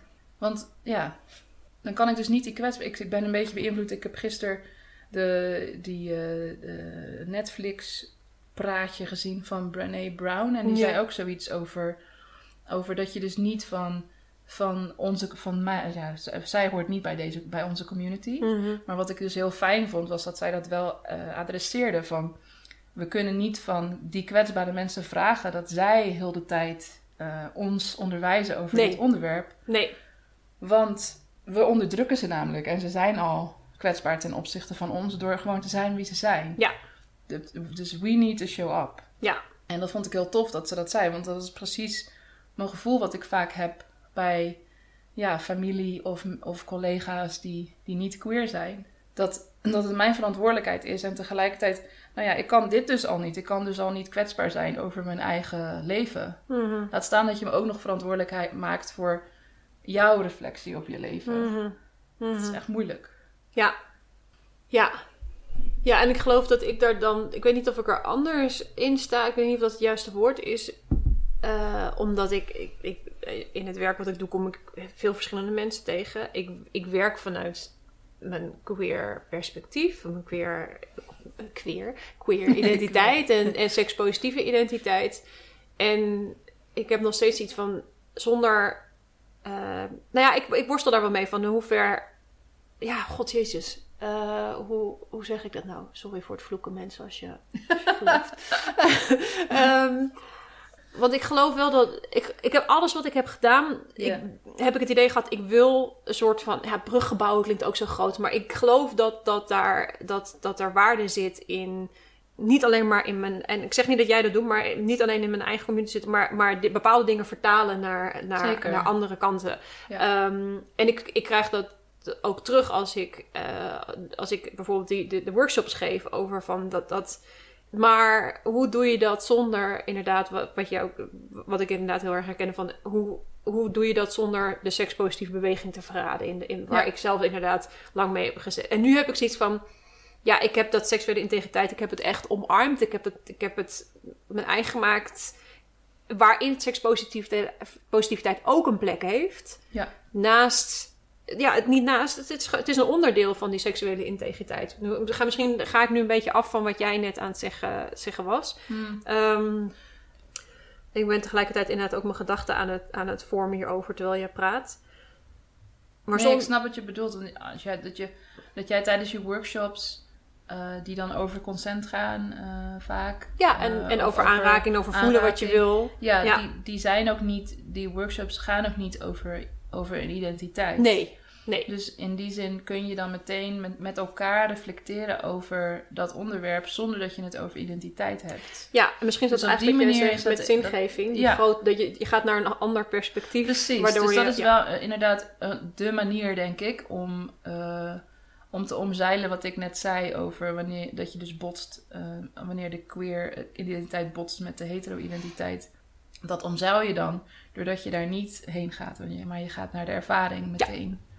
Ja, en dat is denk ik wel een goede ehm, conclusie. Dat je, dat je, dat je dus eh, daar, daar elkaar wel kan ontmoeten in het doen Ja. van, in het doen van seksuele integriteit. Ja, Zonder dat je het dus dan gaat hebben over hoe zit het met seksuele integriteit in onze gemeenschap, in onze community van eh, mensen die werken met gender en seksualiteit Ja. en, en, en queers. Ja, en waarbij dan in dit. eh, waarbij het dan wel zo is dat hetero. eh, ja, hetero zijn bijvoorbeeld niet de norm is. Maar de, de norm Ja. is niet, oh, hetero's en iedereen die daarvan afwijkt. De norm is Ja, eh non-binair, eh, niet heteronormatief. ja. En als je, ik bedoel, iedereen, iedereen kan daar zijn, is ook weer zo'n uitgeholde iets. Dat maar toch, maar toch dat gaat is het wel- daar wel En dat over. was ook een van de, de belangrijkste dingen bij de intentions van de Van Gender de- ja. Queer Party. Want er zijn queer feestjes waarbij eh, eh, er vooral eh, staat, bij de deur staat wat je niet moet doen. Eh, no homophobes, no racism, eh, no... Eh, en en eh, ook met de beste intenties. Mhm. Maar wie gaat dat dan eh, beslissen? Wat, wat is homofobic en wat is racist? Ja. En wie gaat dan zeggen van... eh, nu, nou, nu, heb je dus, nu ben je dus eh, racistisch bezig. En ja, dat is dan lastig, want dan maak je dus een hiërarchie van, van in en out. En van wij en jullie, jullie als bezoekers. En wij als degene die de orde handhaven. Terwijl bij de Gender Bending Queer Party wilde ik dus juist met de intenties... was het idee dat mensen dus worden betrokken bij de safety van de space. Dus mensen worden verantwoordelijk gemaakt. Dus we vroegen ook, wil je ons helpen met voor elkaar te zor- door voor elkaar te zorgen? En je kunt naar ons toekomen, want wij zijn spaceholders. Wij zijn verantwoordelijk voor de ruimte uiteindelijk. Mhm. Maar wij hebben geen... We zijn ons bewust van onze, macht, onze positie van macht. En we hebben geen... eh, niet meer kennis dan jullie. We moeten het met elkaar doen. Want het, het, is in die zin een gelijkwaardig feest. Maar daarin stond bijvoorbeeld ook in de intentie stond ook... Queer is not exclusively gay or lesbian. Hmm. Om ook, en, en ik vind het, het zelf altijd heel vervelend als, eh, als er wordt, gepraat over open-mindedness. En Ja. eh, hetero's, zijn, eh, hetero's zijn ook gewoon welkom. Natuurlijk is dat zo, maar het is wel een queer feest. Ja. Dus queer is de norm. Ja, En als mensen bang worden van dat woord, nou, dan komen ze niet. Ja. Dat, vond ik, dat vind ik heel makkelijk. Als, je, als het woord queer je intimideert en als je daar zenuwachtig van wordt, nou, misschien eh, moet je dan eerst even naar huis en gaan googlen en een beetje gaan kijken van wat het dan is. ja, En dan terugkomen. Ja. Maar als je dat niet hebt, en je, maar je bent wel een hetero-cis... Er zijn bijvoorbeeld heel veel hetero-cis vrouwen naar de Gentleman and Queer Party gekomen. Omdat die eh, het super fijn vonden dat er ineens, eh, als ze werden lastiggevallen... dat ze naar iemand toe konden gaan. Dat er naar ze geluisterd werd, dat het serieus werd genomen en dat er iets mee werd gedaan. Dat ze nog nooit eerder meegemaakt. Want mensen, hè, heel veel vrouwen zijn gewend aan eh, harassment in Ja. de uitgaanswereld. Dus voor, voor die mensen denk ik alleen maar dat is super tof als, ze als die erbij kunnen zijn en die eh, mee kunnen doen. Hoe kwamen we hier nou op? Oh ja, de intenties. Dat de Ja. intenties dus, dat de intenties eigenlijk, ja, in, die seksuele integriteit aanwakkeren of zo. mhm. Dat het dus zorgt voor een gezamenlijk maken van een ruimte. En eh, jezelf daarin bevragen. En je eigen positie daarin bevragen. En eh, ja, dat het ook bijvoorbeeld betekende dat op het moment dat... eh, het is wel eens voorgekomen dat een, een, een, een member of the community, zeg maar... Dus echt iemand uit Rotterdam die zich identificeert als queer... Ja, zich heel bedreigend gedroeg op het, op het feest. En ook niet zo goed, niet goed daarop aan te spreken was. En vervolgens heel kleinerend zich gedroeg naar eh, een van, onze, een van, de, van de genderclowns. En eh, deze persoon hebben we moeten wegsturen. En dat is, daar hebben we later nog heel veel gesprekken over gevoerd. Ook omdat hij terug wilde komen en, en via een online ons opzocht. Met het, met het verhaal van, ik heb jullie juist nodig. Jullie zijn juist een space Mhm. waar, die voor mij is. Waar ik mezelf kan zijn. En daar, maar ook heel veel boosheid dus. Dat hij daaruit werd weggestuurd. Ehm, en die boosheid, ja, die maakt dat ik dan dus niet kan zeggen van kom maar terug. Want ja, dat is dan weer, dat is, het gaat dan weer eh, ten koste van de veiligheid van andere queers. Hoe, hoe die persoon zich op dat moment opstelde. Maar dat vond ik echt niet leuk. Dat was echt super Ja, mak super ingewikkeld. Op het moment dat je een kick krijgt van dat soort mensen wegsturen, ja, dan, dan- dat is echt niet oké, denk ik. nee. Ik vond het echt heel ongemakkelijk en ik vind het echt niet fijn om iemand te zeggen van nu niet. En volgende keer ook niet, maar misschien de keer daarna. Laten we, er, laten we het er weer over hebben. Ja. Eh, zo op die manier. Maar ik denk dat op, op deze manier ehm, een ruimte hosten, ja, dat is echt eh, zo'n investering. Mensen zijn het zo niet gewend. Nee, nee, het is. Ik, zit, eh, ik ben aan het luisteren en ik ben ondertussen aan het, aan het denken ook van. Het is een ruimte waar. Ik, misschien, tenminste, ik ga, even, ik ga gewoon even freestylen. Moet jij zeggen of je het ermee eens bent. Ja. Wat, ik, wat ik hoor, wat ik ervaar, en misschien plak ik nu mijn eigen dingen erop, is een ruimte waar iedereen welkom is, maar waar de norm niet de norm is, maar jullie norm een, een norm is. Maar die norm wordt wel constant door jullie zelf ook bevraagd en, Ja. en onderzocht. Zo van, hey, is wat we doen is wat is onze norm? En dat die misschien ook in beweging is. En, ook, en, en dat is voor mij een soort van inderdaad kenmerk van integriteit. Dat je constant ook jezelf aan het bevragen bent. En, en wat zijn we hier aan het doen? Dus ja, tussen eh, wederom airquotes, iedereen is welkom, die, die uitgeholde quote. Alleen, het zijn onze voorwaarden, maar die voor, voorwaarden voor onszelf bevragen we. Niet omdat andere mensen ons daarin bevragen, of tenminste om- omdat bijvoorbeeld hetero zeggen, "Eh, ik moet hier zijn. Maar dat jullie zelf iets hebben van, ja, maar hoe bewegen wij in deze ruimte?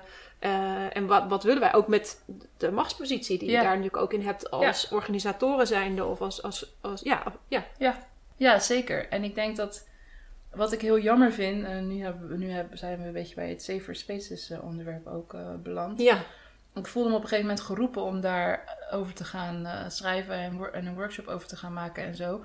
Omdat ik zie dat het echt ontzettend vrij wordt gebruikt. Safer spaces. Ja, Ja. en dan vooral safe space. Ja. Wat, ik sowieso, wat sowieso al niet kan. Een safe space bestaat niet, want in elke ruimte zijn machtsverhoudingen en verhalen van onveiligheid aanwezig.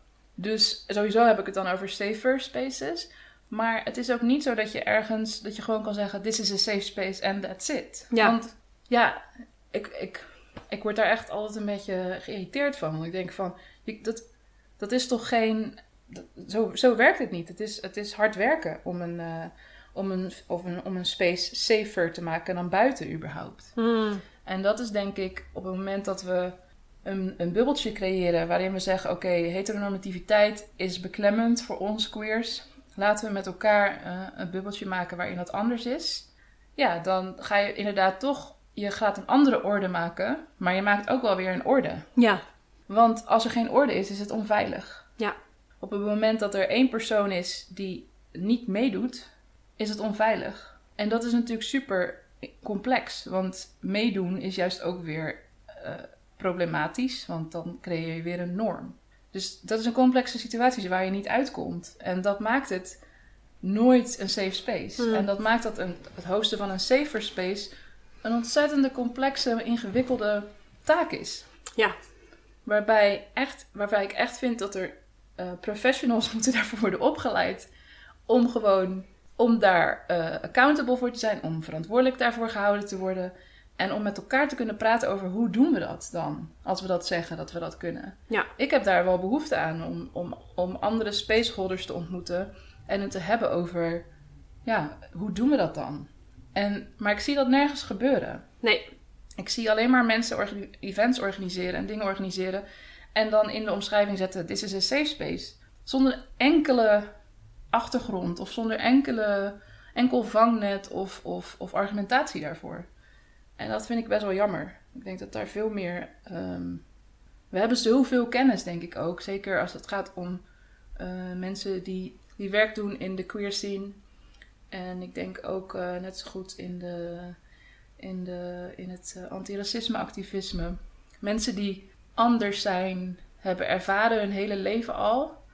Die hebben daar zintuigen voor ontwikkeld Mhm. voor ruimtes en hoe ruimtes werken en hoe in- en uitsluitmechanismes werken. En ja, dus dat zou echt tof zijn als daar meer mee gedaan zou worden eh, met, met die zintuigen. Ja. In plaats van alleen maar een term te roepen en dan daarmee te denken dat je je werk gedaan hebt. Ja. Eh, ja. Dus, eh, dus bij deze is dat een oproep. en ik denk altijd van, oh ja, hè, dat is mijn eigen professionele ontwikkeling of zo. Denk ik van, oh, ik moet daarover schrijven, ik moet daar meer mee, ik moet daar workshops over doen. Maar ondertussen moet ik ook gewoon eh, mijn eigen, eh, mijn, mezelf eh, handhaven en mijn werk doen. Dus dat gaat allemaal veel te langzaam. Maar ja, want ik vind dat hier echt zo'n, er is zoveel, zoveel in te doen. Ja. En zeker nu dat begrip dus zo vrij wordt gebruikt. Dat ik denk, ja, daar moeten we echt voor waken dat dat begrip... Want het wordt al overgenomen. Weet je, net als dat house of... bedoel, Dat is helemaal al appropriate door de hele club scene. En wat eh, bedoel je Het daarmee voor nu- mensen die iets hebben van house of waar gaat Oh het ja, over? houses. Nou ja, de, de, de, het hele, eh, de historie uit de, uit de ballroom scene, Ja. de folk scene, waarbij eh, straatkinderen werden opgevangen door, eh, door de mothers van, van bepaalde houses. En dat er zo eh, queer families werden gevormd met een naam, House of Ja. nou ja, insert name. Omdat dat echt een, een heel specifiek, specifieke term was voor de queer community of color. Mm. En dat het nu eh, bij gemiddelde heterofeesten ook ineens House of Huppel de Pup heet. En, en dat ik denk, maar, maar dat is zo jammer. Want het zit echt zo'n mooie geschiedenis achter wat een house is. En hoe, dat, hoe de queer eh, family, hoe dat alternatief is op, op blood family. En Ja. en eh, de reflectie op, ehm, op hoe je voor elkaar zorgt en, en wat de verantwoordelijkheid dan is van zo'n mother of the house. En, en eh, Super mooi in Post trouwens. Ik vond Post een hele mooie ja. serie. Als je die nog niet hebt gezien. Ja. Ik vind dat echt, ook over qua geschiedschrijving. geschiedschrijving ja, eh, en precies waar jij het nu over hebt. Gewoon, ja, echt waanzinnig. ik heb daar inderdaad heel veel gesprekken over gevoerd over hoe, hoe ik me daaraan kon relateren aan eh, hè, de, het soort van self-proclaimed motherhood. Van zo'n soort van community Eh, wat in mijn eh, geval heel anders is dan in, in Pose. Maar ik kon wel gemeenschappelijke aspecten daarin vinden van... eh, dat is ook die, complexe situ- ook, ook die complexe positie van macht. Ja. En, en in hoeverre heb ik dat nou nodig? Om, want ik heb het heel vaak over mijn kids van, uit de Rotterdamse community. De, de jongere community members die ik tijdens de hangout periode veel heb begeleid en, en tijdens de Gender Bending Queer Party heb ik het vaak over de kids. En ja, ik weet dat het dat kan ook een soort van, zeker nu ze allemaal in hun early 20 zijn of net iets jonger, ook een soort van denigrerend klinken of zo, Mm. weet je wel. Ik wil ze niet ehm, kleiner maken dan ze zijn of zo, maar tegelijkertijd vind ik het ook een mooi, een mooi proces. Dat er, dat er oudere caretakers zijn die ervoor zorgen dat er een ruimte is. Dat de ruimte veilig is en dat er eten is. Ja. Eh, de basics. En dat daarin eh, gespeeld kan worden door de queer kids. Maar dat, die, en, maar dat de verantwoordelijkheid wel wordt gedragen ook door, door anderen. Ja, maar daarmee ook een machtspositie. En in hoeverre heb ik dat dan zelf nodig? Ik heb zelf nooit een queer kid kunnen zijn. Dus in hoeverre heb ik het dan zelf nodig om, om wel zo'n soort van parenting functie te vervullen? Ja. En, en is dat dan oké? Ja. Dat ik dat nodig heb en dat ik dan dat, dat dus doe?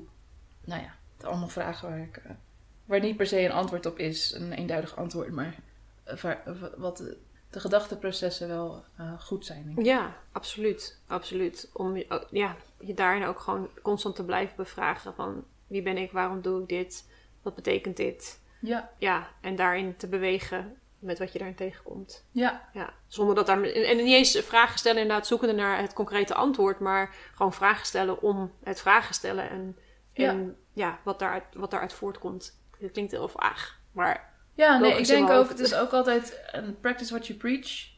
Ook een van mijn lievelingszinnetjes. In de zin van, op het moment dat ik een workshop geef of, of een gespreksgroep of wat dan ook, dan nodig ik mensen uit om hun positie te bevragen. En om te reflecteren en stil te staan bij wat ze doen. Ja. Dus ja, dan moet ik dat zelf ook doen. Ja, dan moet ik dat zelf ook doen. Ja. Punt. Ja, ik, eh, ik wilde heel even terug eh, naar eh, seksuele integriteit. Ja. Want we zijn inmiddels een paar jaar verder voorbij de blog die jij schreef. En wat voor jou de start was, misschien de start, maar in ieder geval waarin dat meer naar voren kwam. Ja. En ik ben benieuwd of je ehm, misschien voorbeelden hebt of dingen, dingen bent tegengekomen de afgelopen jaren waarvan je denkt: oh, dit zijn voor mij echt zulke heldere voorbeelden of, of andere verbeeldingen van seksuele integriteit die je geraakt hebben of ehm, die je verder hebben doen denken over, de, over dit thema? Mhm. Goeie vraag. Dank je. Complimenten voor de vraag. Ik doe mijn best. Ik heb hier heel lang over nagedacht om deze vraag te formuleren. ja. Eh, ja, kun je een concreet voorbeeld geven, Non? Ja hoor, even denken hoor. Altijd zo'n rotvraag, concrete voorbeeld. Nou ja, het, ja, het was natuurlijk al. eh, die fisting workshop was natuurlijk een concreet Ja. voorbeeld, maar dat, was nog, eh, dat ging er eigenlijk aan vooraf. Ehm, daarna, waar ik meteen aan moet denken, is. ehm, aan. Nou ja, hoe het zeg maar met mijn eigen seksualiteit ook in, daaraan raakt. eh, Mhm. hoe, dat, hoe dat is gegaan met eh, heel veel gesprekken, vooral gesprekken, met vrienden en, eh, en, en geliefden over, over, die, over de kwetsbaarheid van het onderwerp. Denk ik dat dat, dat zijn meer. Dat zijn voor mij meer voorbeelden dan. Ik, ik denk even na over een specifiek concreet voorbeeld waarbij, waarbij er iets werd gedaan. Wat seksuele integriteit laat zien. Nou, ik kan wel iets zeggen wat jij mij, toen we het ter voorbereiding van het gesprek, dat jij mij op een gegeven moment een berichtje stuurde. Dat je zei eh, dat je naar Dipso's aan het luisteren was. Oh ja. over, eh, en onder Ja. andere Dino van Maroef was daar eh, Ja. te gast. En dat jij zei, oh, dit is voor mij, eh, hier komt seksuele integriteit ook naar voren. Ja. Ja, precies. Hoe seksuele integriteit ook te maken heeft met intersectionaliteit. Ja, Eh, en dus dat, dat eh, seksuele integriteit dus nooit ehm, een, een issue is van ja, hoe persoonlijk dat dus is. En hoe, zeg maar, intersectionaliteit, dat is dat natuurlijk ook. Eh, want die verschillende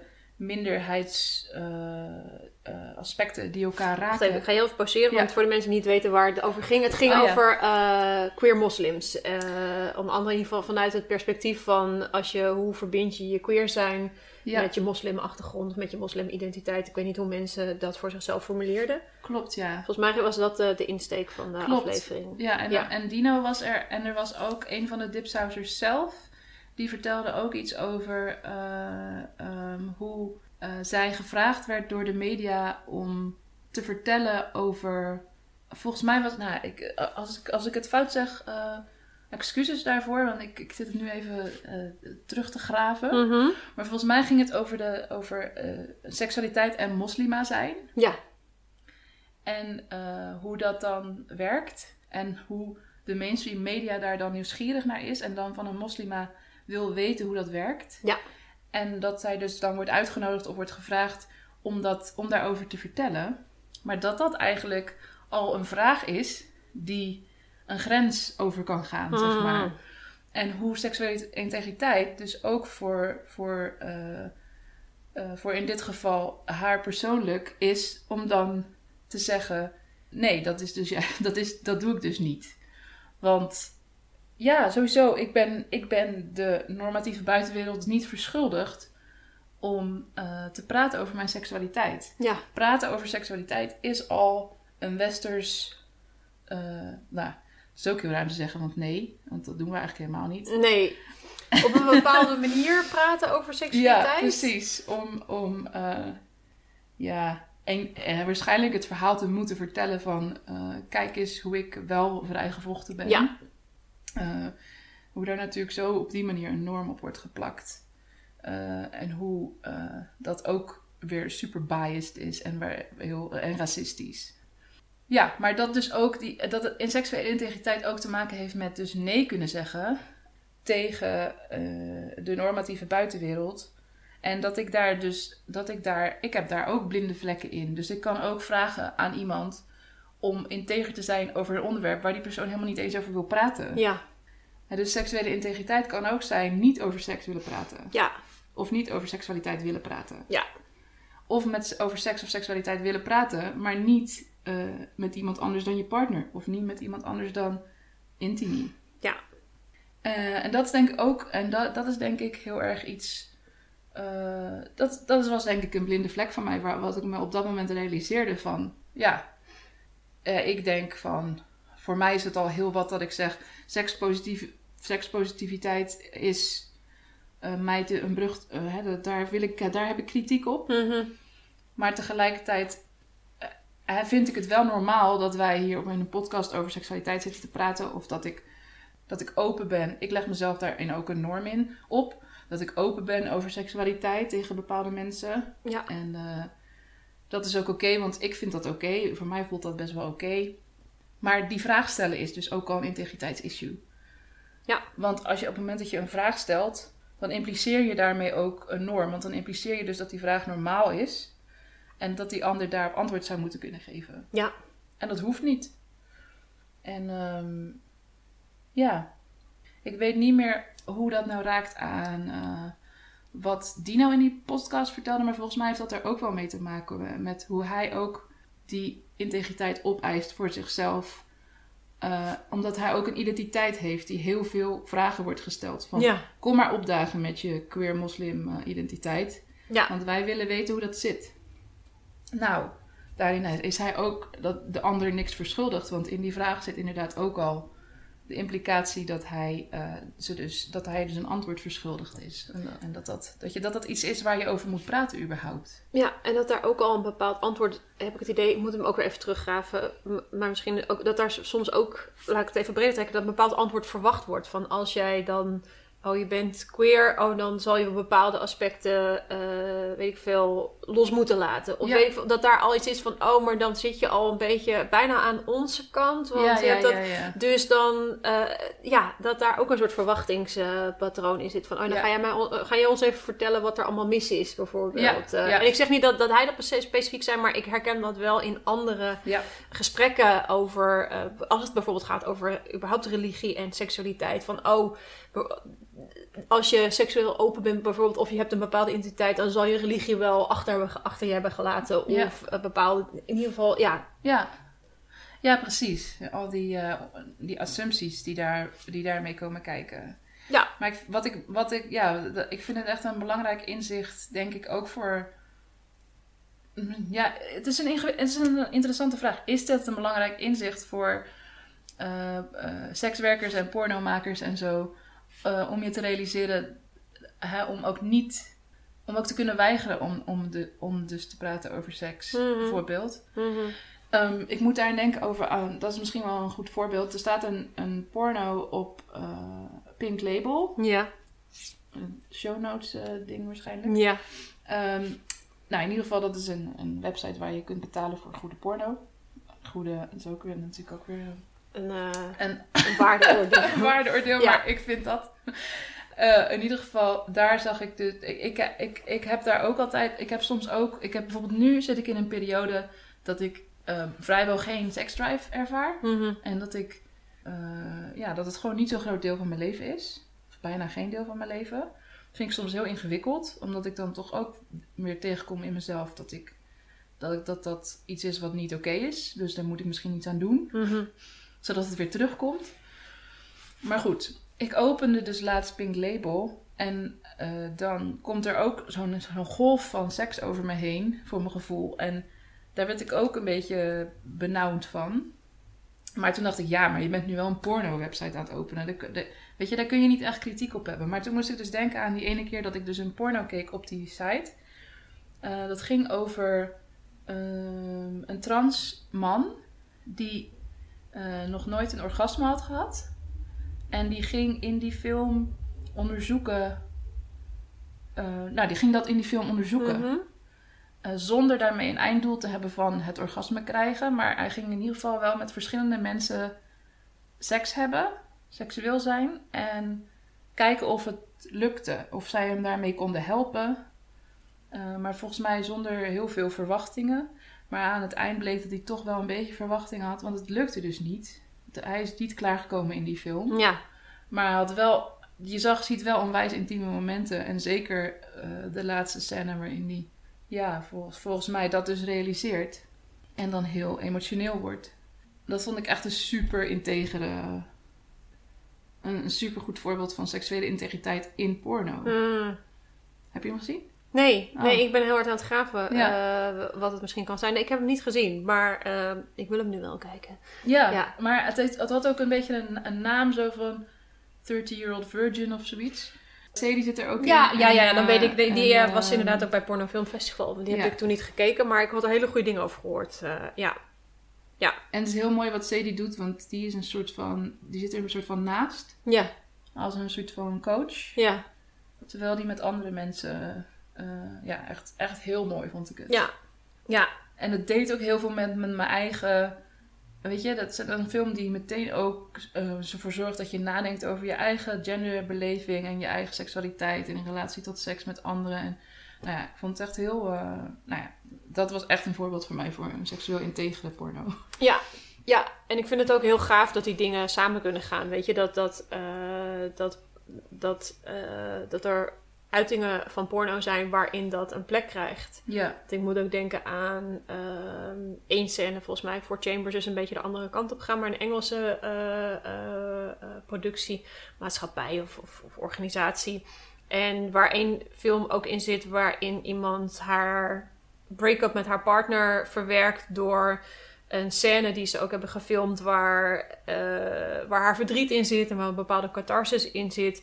En het is nog steeds porno. En zo noemen ze het ook. En ik vind dat zo gaaf dat, dat, dat, dat onder dat label, dat, dat, dat dit er dus ook onder kan passen. En precies wat jij ook zegt. En dat mensen niet zeggen, nee, dit is nu wat anders of wat dan ook. ja, Wa- waardoor porno voor mij ook holistischer wordt, Ja, zeg maar. ja. En dat ook kan zijn. ja. Ja, Ja, want dat geeft ook weer een soort van, ja, je zei net het woord toestemming, geeft mij ook weer de toest- toestemming om dus mijn eigen seksualiteit ook veel meer gelaagder te gaan bekijken. Want hè, in eerste instantie dacht ik ook van, seks is dit. Mhm. En eh, in porno zie je seks. Dus dat is dan een heel eh, nauw gekaderd eh, eh, omschrijving van, van dat. En, en als je er dan dus ziet dat in porno zie je seks, maar in porno zie je ineens ook dingen waarvan je helemaal niet wist dat het seks was. ja. Dan ga je ook zelf denken van, oh, maar dan is dat voor mij eh, misschien ook wel zo, weet je. Dan is, dan is seks, dan, dan zie ik seks misschien eh, te nauw gedefinieerd. Ja, dus in die zin, ik weet, niet, ik weet van mezelf niet eens precies wat eerst kwam. Porno of mijn eigen bre- verbreding van het woord seks. Mhm. Ehm, Maar in ieder geval heeft dat altijd heel, heeft het elkaar heel erg beïnvloed. Ja, nou ja, ja, ik vind het heel herkenbaar. Ik denk, met name toen ik queer porno ontdekte, dat, dat was... Daarvoor was ik ook al met porno bezig en had het ook absoluut een waarde. Uh, maar inderdaad, over toestemming of over ruimte geven of wat dan ook. Toen ik queer porno ontdekte en, en uh, ja, ik weet niet hoe, wat voor labels we nu allemaal kunnen geven. Maar dat daar, dat heeft zoveel gedaan.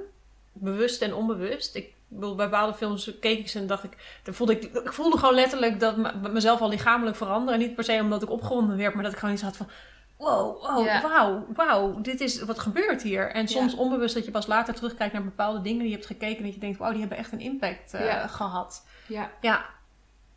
En het mooie is, vind ik, dat, dat nou ja, het mooie. Het, het interessante is dat het vaak ook vanuit een bepaalde noodzaak wordt gemaakt. Ja. En dat herken ik ook in mezelf en mijn eigen seksualiteit. Dat uh, mijn eigen kaders werden, uit, werden verbroken doordat het, doordat, door een bepaalde noodzaak. Ja. ja want uh, toen ik, uh, ja, door um, bijvoorbeeld um, erachter te komen dat de relaties die ik had en de seks die ik had, dat dat niet dat het me niks bracht. Mhm. En dan, dan ging, toen ging ik me dus afvragen, en dat kwam een beetje samen met die begin van de queerness van, maar wat is dan, wat kan ik dan wel? Wat, wat is dan wel, wat is wel de seks die ik kan hebben? Want ik kan niet, ik kan het niet, de heteroseks. Hmm. En, uh, om, om heel veel verschillende redenen. Maar ook gewoon door, door denk door trauma en misbruik. Dat het gewoon, dat, dat, dat, dat gewoon niet toegankelijk is. Dus er Mm. moet er iets anders komen. En, en, en dan. eh, en bijvoorbeeld, ik ben nu met een partner die eh, in transitie is. Nou, dan ga je ook eh, met elkaar. vind je, dan moet je ook jezelf opnieuw uitvinden. En dan kun je niet meer. Kun je niet vervallen in de grote verhalen over hoe seks zou moeten zijn. Maar dan, dan, ga, je andere, dan ga je het anders doen omdat, er, omdat het wel moet Ja. omdat het niet anders kan. Ja. En dat vind ik ook bijvoorbeeld, dat is ook seksuele integriteit, omdat ik denk dat sekspositivisme dan heel vaak eh, de indruk wekt dat, dat we het niet doen omdat het wel moet, maar dat we het doen omdat het lekker is. Dat is ook zo. Mhm. Maar het is ook, soms kan het ook gewoon niet anders dan op die manier bijvoorbeeld.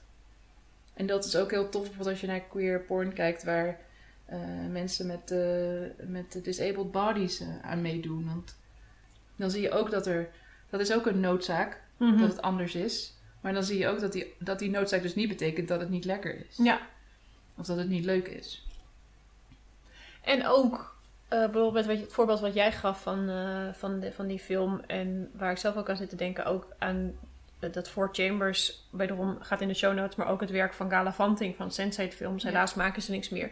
Maar, ehm, nou, nou wilde ik dat zo correct noemen, maar nu ben ik mijn punt kwijt. Oh ja, over dat seksualiteit, dat het ook kan gaan over het is lekker, maar dat het niet daarover hoeft te gaan. Dat, dat je ook, Ja. überhaupt de realisatie dat je niet per se altijd seks hebt omdat je super geil bent en weet ik veel wat je allemaal wil. Maar Ja. dat het gaat om bepaalde emotionele processen door te maken of om ruimte te geven aan bepaald trauma of bepaald iets wat je hebt of bepaalde gevoelens binnen een veilige, binnen een veilige, veilige container, maar in ieder geval binnen Als Nee, het goed is. als ja. het goed is. Ja. Ehm, en dat dat, er ook, eh, dat dat er ook mag zijn. En ik vond dat zo eh, waardevol om te leren. Om te Ja. zien ook. En het, en het, volgens mij wat ik krachtig vind aan het soms ook zien... is je kan het wel lezen en dat kan ook heel waardevol zijn. Maar mensen het daadwerkelijk zien ervaren. Ja. eh, op een bepaalde manier. En daarop reflecteren. ehm, ja, dat, dat was echt dat ik iets heb van... Oh ja, weet je, se- seksualiteit daarin... Tuurlijk is het zoveel meer dan... Dat weten we ook wel dat het meer is dan, dan gruizigheid. Hmm. Alleen dat zien vond ik echt heel erg krachtig. En ook daarin van... Oh ja, wacht even. Ik mag die kanten daarin dus voor mijzelf ook ruimte geven. Ehm, en dat is oké. En wederom, het, ik hoef het niet te proble- problematiseren als ik bepaalde... Weet ik veel, oud verdriet of oude pijn daarin een plek geef of Mm. zo. Dat is niet verkeerd. Nee, we kunnen het zelfs omarmen. Ja. zoiets. Ja, precies. En dat maakt ook, want ik denk dat er nog steeds wel. eh, hè, de- we weten het, dus heel veel mensen weten het misschien wel dat het niet zo is, maar ik denk dat, dat er een heel hardnekkig beeld is van eh, dat je seksleven eh, bruisend moet zijn. Of Hmm. Eh, eh, ex- hoe heet dat? Eh groots en meeslepend Ja. misschien zelfs wel. Ja. En dat, dat, dat als dat dus niet zo is, dat je dan aan jezelf moet gaan twijfelen. Ja. Dat er dan iets niet goed is. Ja, en dat is, de- dat is denk ik echt een heel... Ik merk het in mezelf ook. Want op, hè, bijvoorbeeld op zo'n moment als nu in mijn leven... Dat, seks, dat, ik, dat ik gewoon me helemaal niet seksueel voel over het algemeen... Ga ik dan toch... Ga ik toch weer aan me- bij mezelf denken van... Oh, dan is er niet, iets niet goed met me. Dan heb Ja. ik iets niet goed gedaan. Ja. En eh, dan moet ik dus iets aan mezelf veranderen. Want ja, een seksdrive, dat, dat moet je hebben. En dan heb ik bijvoorbeeld weer heel erg veel aan de mensen die zich identificeren eh, als aseksueel. Mm. Ehm, en eh, ja, die zeggen van, ja, dat, dat is dus niet per se een deel van je persoonlijkheid. Ja. Je, kunt ook, je, je hoeft het niet per se te ervaren. En ik vind het ook heel belangrijk dat dat ook kan worden gezien als niet iets vast, vaststaands. Maar dat je gewoon eh aseksueel kunt zijn voor een bepaalde periode. En dat het, dat, ja, dat, dat kan veranderen. ja, de- die realisatie is inderdaad ook heel, eh, heel belangrijk. En, en inderdaad wat je zegt, ook het constant dat je toch elke keer, ook al weet je het, als je dan hebt over geïnternaliseerde normen omtrent seksualiteit, ook hoe lang wij er al mee bezig zijn en in welke omgevingen wij het geluk hebben, onder andere, waar we ook voor gewerkt hebben om te zijn, dat je nog steeds, als je dan, als zoiets gebeurt, dat je Ja, het weer even opnieuw aan moet, of even, soms lang opnieuw weer aan moet gaan en denk, oh ja, wacht even, ho, ja. wat gebeurt hier? Wat, eh, Ja. ja. Ja, en wat, wat me ook zo opvalt, wat ik zo, wat waar ik me wel, nou ja, niet echt zorgen om maak, maar wat ik, eh, wat ik opmerk de laatste tijd heel erg in activistenkringen of in kringen van mensen die zorg dragen voor anderen eh, en heel vaak deel zijn van een bepaalde minderhedengroep en zorg dragen voor anderen, is dat er gewoon ook heel weinig energie is voor seks. Mm. Dus dat, het, dat de momenten van intimiteit met elkaar vaak al zo, eh, zo ook, ook zulke momenten van uitputting zijn op een bepaalde manier. Ja. En dat daardoor, ja, dat dat voor mij, dat is misschien wel ook een, een, een seksueel integer inzicht van. eh, dat, dat, dan is het dus ook niet zo. Ik vind die momenten van intimiteit met elkaar belangrijker dan dat ik dan eh, mezelf moet oppeppen om seksueel met iemand te zijn, zeg maar. Want, en, en die uitputting, die zie ik zoveel om me heen. Ik heb, er, zijn, ehm, zijn mensen met wie ik eh, een paar jaar geleden nog seksueel was, waar, waarmee ik nu gewoon op de bank lig. een beetje te kletsen over wat we hebben meegemaakt, omdat we gewoon helemaal geen energie voor hebben Ja. om zoiets te gaan doen. En ik vraag me ook af, nou ja, dat is ook een beetje misschien een. eh, Ik weet niet of dat iets is van mij en mijn vriendengroep op dit moment, of dat het gedragen wordt door een grotere. door meer mensen. Eh, dat is dan aan de luisteraar om daarover na te denken. Ja. Maar ja, dat, dat merk ik op. Dat er, er wordt zoveel van ons gevraagd. En dat is natuurlijk ook specifiek van de queer community. Er wordt zoveel van ons gevraagd. En er wordt zo erg van ons gevraagd om ons te wapenen ook tegen heel veel dingen en te verdedigen. Dat is seksueel zijn met elkaar echt soms gewoon het allerlaatste waar je zin in hebt. Mm. Want het is gewoon, eer dat je daar bent, het is zoveel werk. Ja. Eh, dus ja, dat is ook een, denk, een seksueel integer inzicht. Omdat ik mezelf ook wel. Dat was ook wel een moment dat dat, dat een soort van wrong, vrienden, wat is het woord? Frank. dat ik wrang, dat ik dacht van, oh, maar huh, eh, moeten we niks met elkaar of zo?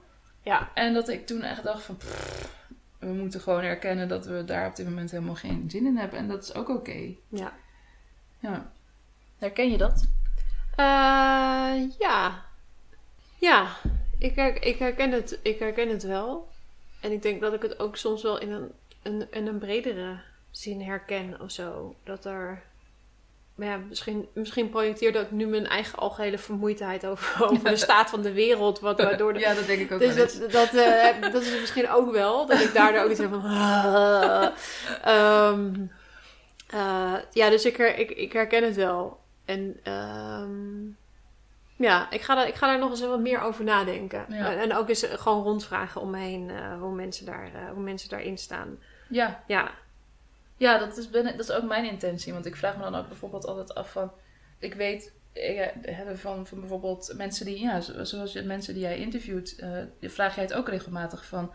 als seks je werk is, Mm. hoe doe je dat dan als het niet goed met je gaat? Mhm. Dat is misschien ook zo als seks niet je werk is. Hoe doe je dat dan als het niet goed met je gaat? Ja. Doe je het dan gewoon niet? En is dat dan oké? Ja. En als het je werk is, dan zit er misschien nog meer druk achter natuurlijk, omdat je ook je geld moet verdienen. Maar als het Ja.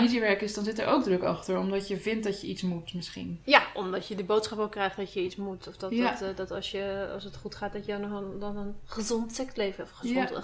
Maar in ieder geval dat dat bruisend moet zijn. Ja. Of zo. eh, ja. Ja.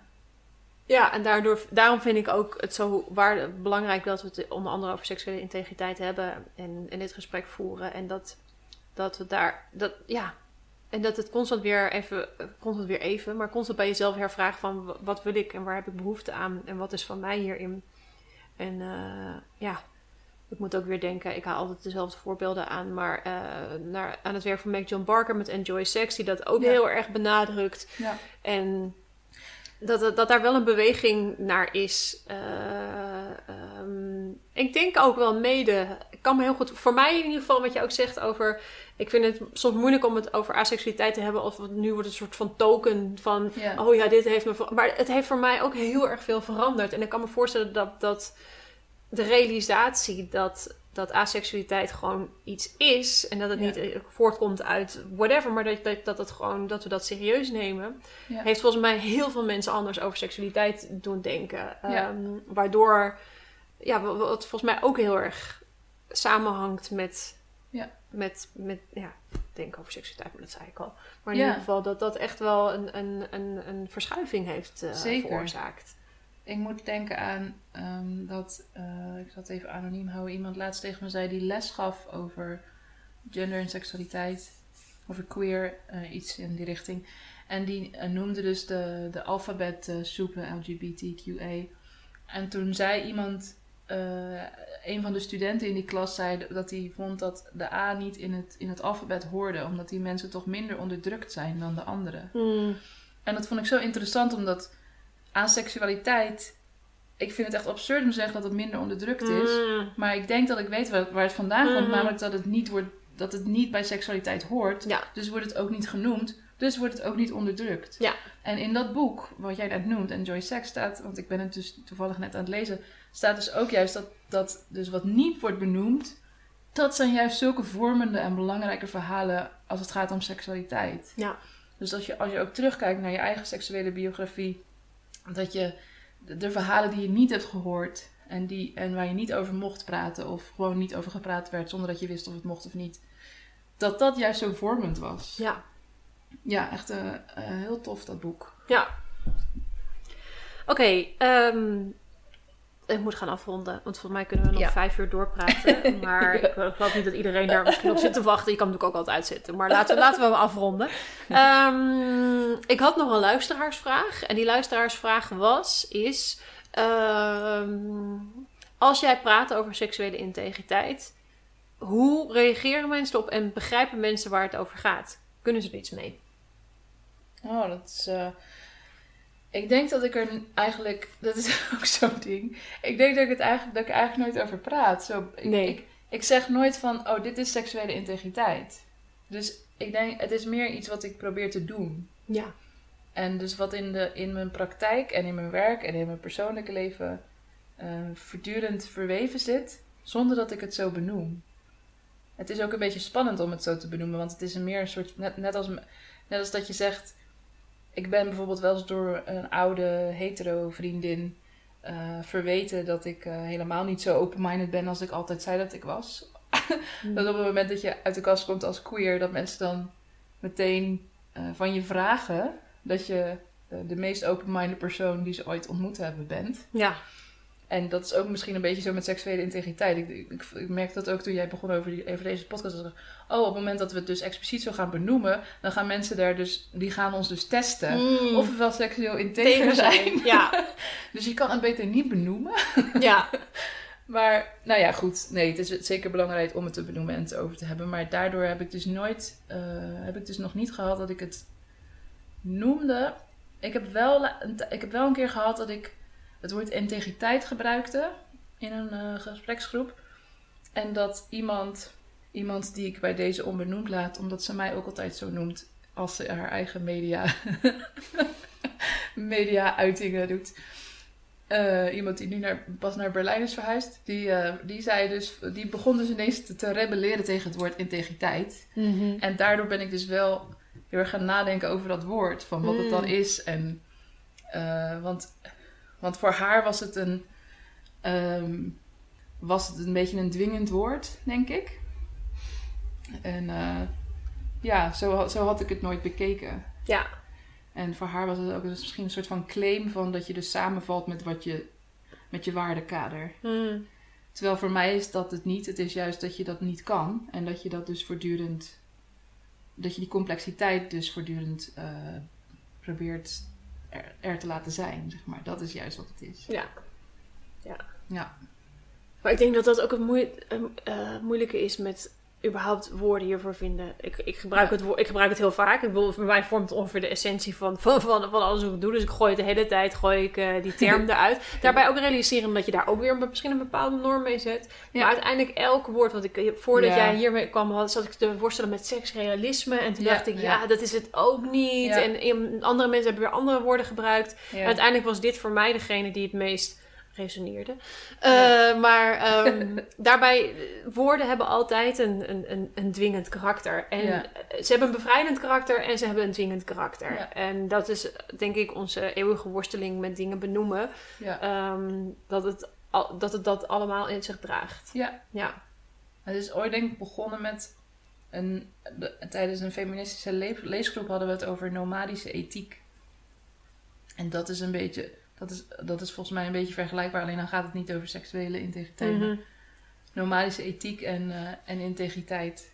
Ja, dat zou dan een beetje hetzelfde, denk ik, een beetje hetzelfde zijn. Als het gaat om dus voortdurend een ethische, het, eh, voortdurend ethiek toepassen in de, in de context waarop het zich plaatsvindt.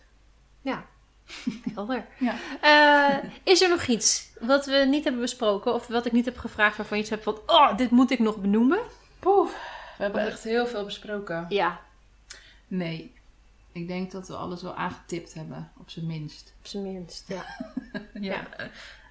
Oké, ik vind nee ook een zeer valide antwoord. ja. Cool. Nou, ik, ik, ja, ik heb ook het idee dat, we, dat er echt heel erg veel voorbij is gekomen. En dat we inderdaad heel veel hebben aangestipt.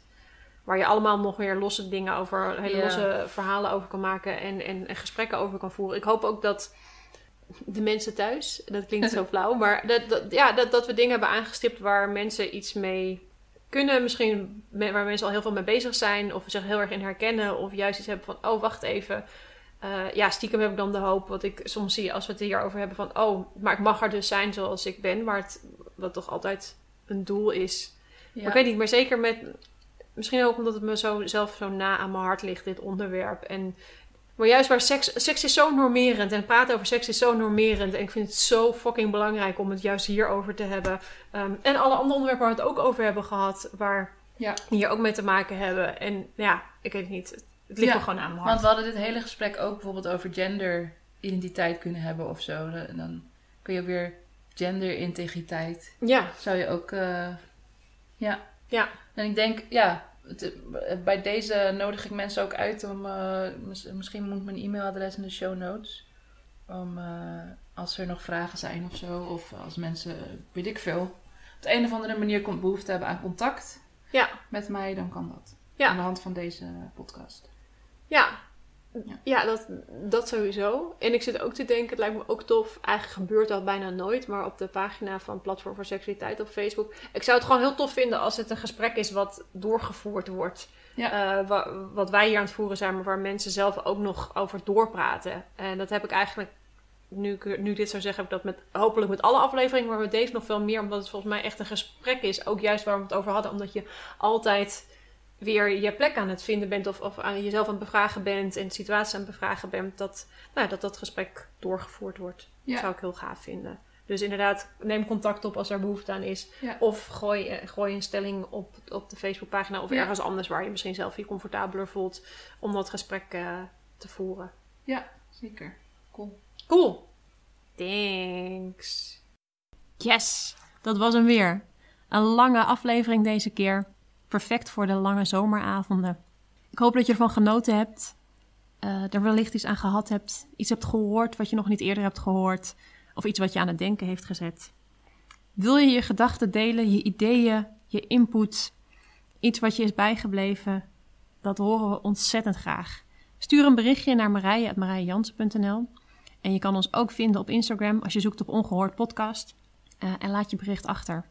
Of wat ik zei aan het begin, laat een recensie achter op iTunes. Dat maakt ons weer extra vindbaar.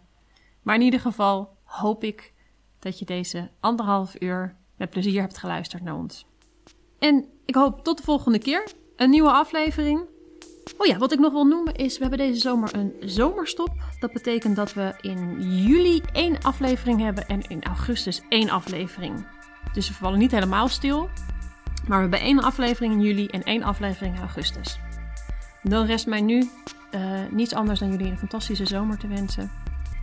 Uh, tot de volgende aflevering en tot de volgende keer. Ongehoord is een productie van het Platform voor Seksualiteit, de plek waar je alles kan leren over seksualiteit, intimiteit en consent. Ongehoord werd gemaakt door Josine van Kemenade en Marije Jansen. De geweldige jingle kwam van Thomas Heijmans. Het prachtige ontwerp van Ongehoord werd gemaakt door Joy Wong. Tot de volgende keer, tot Ongehoord.